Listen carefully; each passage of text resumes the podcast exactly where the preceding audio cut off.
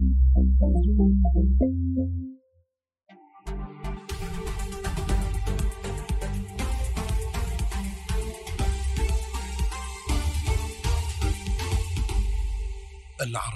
بودكاست. أنا خالد مدخلي، أقدم لكم حلقة جديدة من برنامج سؤال مباشر. مرحبا بكم.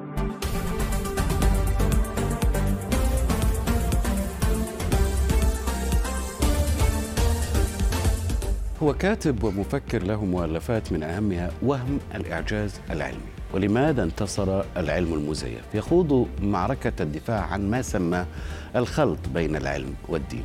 وهو دائم النقد لمؤسسات دينية عربية معروفة وكبيرة. الدكتور خالد منتصر في سؤال مباشر. أهلا وسهلا بك دكتور خالد معنا في سؤال مباشر. أهلا بيك أستاذ خالد. أهلاً خليني أبدأ معك من كتابك وهم الإعجاز العلمي. أه خلي أسألك أول شيء لماذا اهتم الدكتور خالد منتصر الطبيب أه اولا ب- ب- بهذا المجال مجال أه الإعجاز العلمي؟ لاني أنا الحقيقة اتولدت ويعني بقيت في سن بعدها المراهقة والشباب عايش هذه الأجواء بداية من مصطفى محمود ثم زغلول النجار وحسيت وأنا في كلية الطب مدى الجريمة التي تحدث باسم الإعجاز العلمي. اللي أنا بسميه الحقيقة العجز أو الإزعاج العلمي. لأن دراستي في كلية الطب خلتني مدرك تماما أن هذا business مفتوح له بازارات مفتوح له بوتيكات تحت اسم الإعجاز العلمي ميزانيات بالمليارات. وكان أيامها لسه الدكتور مصطفى محمود بادئ آه، آه، كتاباته في الإعجاز العلمي وأسعدني الحظ بإن أنا شفت بقى المجال الآخر اللي بيرد على الدكتور مصطفى محمود. شفت بنت الشاطئ وشفت كتابات الشيخ شلتوت قبل هذا وبنت الشاطئ كتبت ثلاث مقالات شديدة القسوة آه، في الأهرام ردا على آه، ما أثاره. دكتور مصطفى محمود تحت اسم الاعجاز العلمي. قصدك إيه يا دكتور ده ده اللي خلاني يعني كان مصطفى محمود مثلا زغلول النجار مجرمين في حق البشرية يعني بما ذكروه في في آه، بالكثير من من ظهورهم يعني حول الإعجاز العلمي أم ماذا؟ ما أقدرش آه، آه، أدخل في النيات يعني من الممكن إن مصطفى محمود كان بدأ يتجه اتجاه صوفي أو اتجاه إسلامي مضاد للاتجاه الذي بدأه. آه، أنت عارف إن أول كتاب ليه اتهم بالإلحاد واتصادر آه، في زمن عبد الناصر. فأعتقد إن هو كان ممكن يعني شيء إنساني إن هو عايز يكفر عن هذه الذنوب من وجهة نظره يعني. لكن الحقيقة آه، ال- ال- الجريمة الكبرى اللي مش لمصطفى محمود لكل من تبنى هذا الإعجاز العلمي إنه خلط ما بين منهجين لا يمكن الخلط بينهما. زي الزيت والمية بالظبط أنت عندما تصنع هذا الأرابيسك العلمي ديني آه، أنت كمن آه، يرسم بقوس كمان أو يعزف بريشة فنان. عايز تقيس بالكيلو جرام أو تزن بالكيلومتر. لأن منهج العلم هو الشك. منهج الدين هو اليقين. وأنا عشت كطبيب هذا الخلط ما بين العلم والدين. عشت كطبيب آه، قانون زراعة الأعضاء. اللي لغاية دلوقتي في مصر ما نقدرش نزرع عضو آه، من ميت اكلينيكيا بسبب هذا الخلط ما بين العلم والدين. مثل إيش دكتور؟ يعني مثلا من مصطفى. محمود كان يتكلم عن نظريات أو أفكار الاعجاز العلمي في القرآن عن وحدة الكون، عن نشأة الكون ويربطها بآيات قرآنية وربما في بعض الأحيان وفي كثير من الأحيان كان يستشهد بدراسات وأبحاث علمية يا دكتور، كان يربط بين العلم والدين ولكنه يستدل بآيات قرآنية في ذلك. ببساطة ببساطة يا عزيزي آه، أسأل سؤال لكل من يتصدى لمسألة الإعجاز العلمي لماذا لم يحدث العكس؟ لماذا لم أو من خلال قراءة الآيات من خلال قراءة الأحاديث اكتشفت النظريات العلمية. ليه بنستنى الغرب الكافر لما يجتهد في المعمل ويعرق العلماء ويبذلوا جهد ويدرسوا ويطلعوا النظرية أو الاكتشاف أو الدواء؟ ونيجي نقول إيه زي الإعلان الشهير كنت هقولها. يا جماعة دي موجودة عندنا في القرآن. لأن العلماء في المجتمعات الغربية مش نفس العلماء في مجتمعاتنا العربية أو الإسلامية بشكل عام دكتور. أنت تعرف يعني ماذا حصل للعلم والتعليم في هذه المجتمعات؟ واحد. م... منهج العلم واحد يا عزيزي. م. منهج العلم في حاجة اسمها الطب القائم على الدليل. عندنا في الطب الطب القائم على الدليل. لا يمكن لأي نص مقدس إنجيل أو توراه أو قرآن أو أحاديث بخاري أو غير بخاري يكون هو آه، البداية لبناء نظرية علمية. طب خليني خليني أطرح لك على سبيل المثال دكتور. بالملاحظة. خليني أطرح لك على سبيل المثال. في موضوع أيوة. وحدة الكون نظريات العلم الحديث آه، تقول إن الأرض كانت جزء من المجموعة الشمسية ثم انفصلت عنها. وتبردت وأصبحت صالحة لسكن الإنسان، ربما في بعض المصادر في هذا الشأن. هناك من يرى بأن هذه النظرية الحديثة هي تتفق مع ما أشار إليه القرآن الكريم في قوله جل شأنه أولم يرى الذين كفروا أن السماوات والأرض كانتا رتقا ففتقناهما وجعلنا من الماء كل شيء حي أفلا يؤمنون هنا من يقول بأن هذه الآية دليل على وحدة الكون وتؤكد النظريات العلمية الحديثة. وهناك الكثير من الأمثلة في آيات عن نشأة الأرض أو الكون عن شكل الأرض عن حركة الأرض عن غيرها الجبال. كل كل كل كل هذا كل ما ذكرته هو موجود ونص عليه القرآن كما تعرف. طيب. ردا على هذه المقولات آه، التي ترددت كثيرا اولا إيه رأيك إن أنت لو لقيت في الشعر الجاهلي كلام مثل هذا الكلام؟ هل هتقول أن الشعراء الجاهليين كلهم عندهم إعجاز علمي؟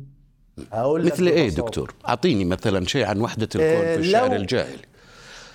أو عن نشأة الكون في الشعر الجاهلي. لا يعني ما هو مش مش يعني هقول لك حاجة مثلا والأرض دحاها اللي بتتردد كثيرا جدا. موجودة وقالوها كثيرا جدا جدا شعراء جاهليين. مش شعر مش شعر هذا شعر عربي باللغة العربية والقرآن أيضا باللغة العربية دكتور. ما وين الاشكال أيوه. آه. يعني أنا حتى حتى ما ذكرته يا صديقي العزيز آه، لا يم لا يعبر عن آه، آه، النظرية اللي حضرتك بتقولها نهائي. ده كلام عادي جدا جدا. كلام موجود في القرآن. لأن القرآن كان لازم ينزل بالمفاهيم العلمية. يعني إحنا مش هندخل في آية آية.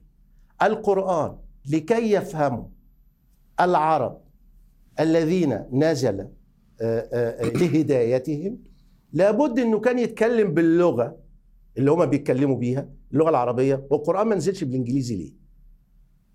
ثانيا بالمفاهيم العلمية التي كانت موجودة وقتها. المفاهيم العلمية العادية جدا. القرآن ليس كتاب بيولوجي القرآن ليس كتاب فيزياء ولا مطلوب منه ذلك. وعلى فكرة القرآن ليس نقصا فيه أنه خالي من النظريات العلمية. خالص. أنا أنا شايف إن ده افتعال. يعني القرآن لم يطلب مننا ما قالش يا جماعة والنبي عشان خلوني كتاب كيمياء خلوني كتاب هو يحوي كل شيء يحوي كل شيء يعني خالص. يحوي حقائق يحوي معلومات. كهداية. كانت معروفة أو لم تكن معروفة واكتشفت بعد ذلك دكتور. أنا أطرح عليك ما يقوله طبعا الطرف الآخر في هذا الشأن. يعني آه، طبعا ويؤكدون عليه. طيب أنت أنت في نقدك عارف أنا إيه، أنا تفضل. اتفضل دكتور. آه أنا بس عايز أقول الناس ممكن تستغرب من حوارنا يقولوا وفيها إيه يا أخي؟ وفيها إيه لما يبقى نتكلم عن الإعجاز العلمي لهداية ناس والأخذ بيد ناس إلى دخول الدين الإسلامي إلى آخر ما يقال؟ هو أنت يا أخي ضد الدين الإسلامي وضد الإعجاز العلمي. لا خالص. ده حفاظا على الدين. كيف حفاظا على العلم. وهقول لك تجربة بسيطة جدا. كيف تدافع عن الدين وأنت آه، ترى هقول بان. هناك وهم في العلم؟ تجربة بسيطة. تفضل وهم في الإعجاز م. وليس وهما في الدين. طيب. في فرق. يعني أنا هقول لحضرتك حاجة بسيطة بس سريعة كده. ويعلم ما في الأرحام. وأنا صغير كنت بدخل الجامع أسمع ويعلم ما في الأرحام. كان كل الناس عندك في السعودية وعندي في مصر وفي العراق وفي لبنان أي خطيب جامع كان يقول يعلم ما في الأرحام الذكر والأنثى ويتحدى وسمعتها بودني وأنا صغير. هاتولي حد يعرف يفرق ما بين الذكر والأنثى. طيب جالك السونار وأنا كده في كلية الطب تم اختراع السونار والسونار بدأ يكشف الذكر والأنثى. الاكثر السائل الأمنيوسي بدأ يحدد بنسبة 100% طيب مين اللي هيتضر هنا بقى يا أستاذ خالد. اللي هيتضر شاب دخل الجامع آمن بالإعجاز العلمي وآمن بأنه الذكر والأنثى. الله طلع السونار. كشف لي ما بين كشف لي الذكر والأنثى في الشهور الأولى من الحمل. طيب. يبقى هذا الشاب هيشك في الدين ومش هياخد كمان العلم على محمل الجد لأنه عايز يناصر الدين. على على هنا كل. حال آه، هنا ربما المتخصصون في الدين هم من يستطيعون الرد. أنا لست آه، آه، يعني أحدهم بكل تأكيد. دكتور لماذا انتصر العلم المزيف هو أحد كتبك كذلك. تقول فيه هذه معركتي منذ ربع قرن. دخلت فيها معارك كثيرة. جرجرت فيها إلى المحاكم واتهمت بسببها. أبشع الاتهامات لكني احتملت كل غبار وجراح لتلك المعارك لأنني مؤمن بأن قاربا النجاة هذا البلد الوحيد ينتظرها على شاطئ العلم. كيف ترى بأن العلم وحده هو قارب النجاة بنظرك؟ وما هو العلم الذي تقصده أيضا؟ آه العلم الحقيقي آه اللي آه من أيام جاليليو لما حط النقطة الفاصلة وقال أنا أشوف بالتلسكوب مش بالنص اللي موجود في الكتاب المقدس وبدأ بعده العلم الحقيقي. وطبعا من قبله بكتير في لبنات للمسألة دي لكن جاليليو كان نقطة فاصله العلم الحقيقي. هقولها لك ببساطة كده. الفرق ما بين العلم الحقيقي والمزيف. العلم الحقيقي هو اللي يقول أظن ربما يمكن. لكن العلم المزيف يقول لك أكيد لازم. العلم الحقيقي هو اللي بيقول أنا أهتم باللي جوه المعمل وماليش دعوة باللي بره المعمل بيحصل إيه. العلم المزيف دايما يقول لك في مؤامرات عليا في كمين معمول لي.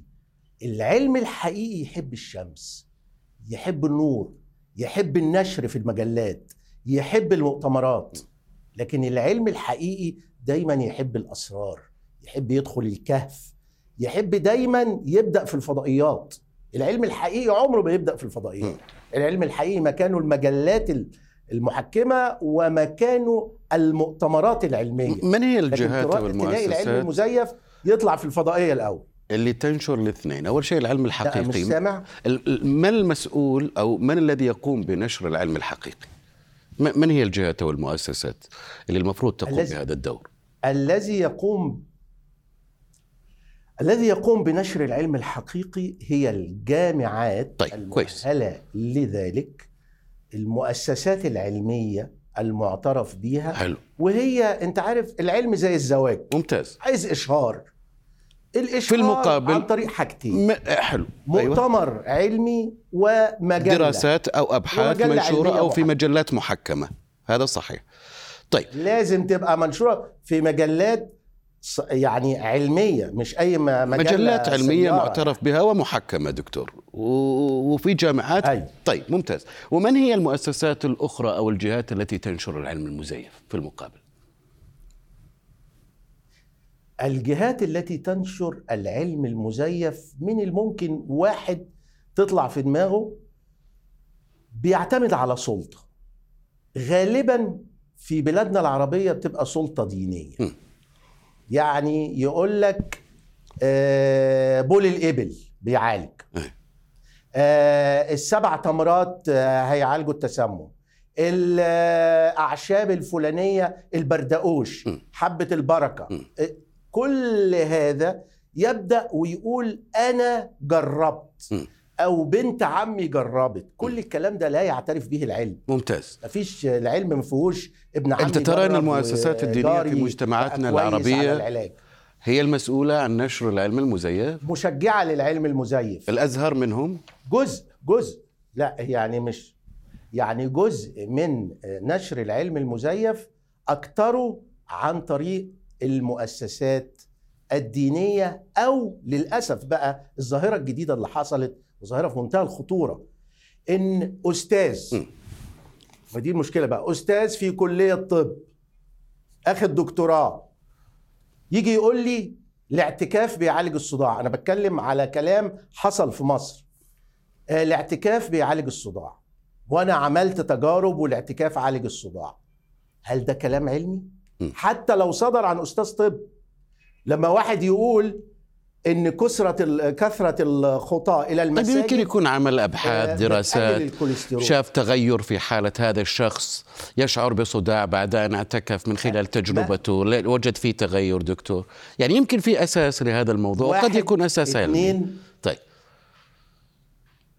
واحد اتنين عشرة لا يعني دي برضو ما نفوتهاش ليه؟ إيه. لأن واحد اتنين عشرة دي مش تجربة. هل عملت مجموعة ضابطة؟ يعني الاعتكاف بيعالج الصداع جبت تتحدث عن منهج علمي. ضابطة تقارن؟ ممتاز. واضح. طيب أنت تقول طبعا. ما ينفعش أقول إن أنا لاحظت. أنت تقول إن أنا لاحظت واحد أو اتنين أو تلاتة. أنت تقول بأن الأزهر الشريف سبب في تدمير الدولة المدنية الحديثة. هل مصر دولة مدمرة؟ أنا أعتقد إن الجملة ما اتقالتش بالظبط كده يعني أنا أعتقد إن العبارة آه، آه، يعني دي حتى مش من عباراتي أنا أنا على خلاف مع طب التيار قلت إيه بالضبط؟ اللي خايف إنه يختطف أنت الأرض. نشرت صورة في سيارة تريلا دمرت قلت. سيارة ملاكي اعتبرت فيها الدولة المدنية هي السيارة آه. الملاك الملاكي والتريلا هي الأزهر صح ولا لا؟ طب ما نفس الكلام يا دكتور أيوه صح طب نفس صح الكلام دي دي دي اتنشرت دي دي اتنشرت لا أنت طبعا عارف تويتر وعارف الفيسبوك من الممكن إنها حتى أنا راضي حكمك يا دكتور. دلوقتي خلينا نتكلم. بعلم لكن وبمنطق يعني المعنى أوكي. لما تجيب صورة لسيارة تريلا أنا وتقول أنا هي هقول الأزهر لحضرتك.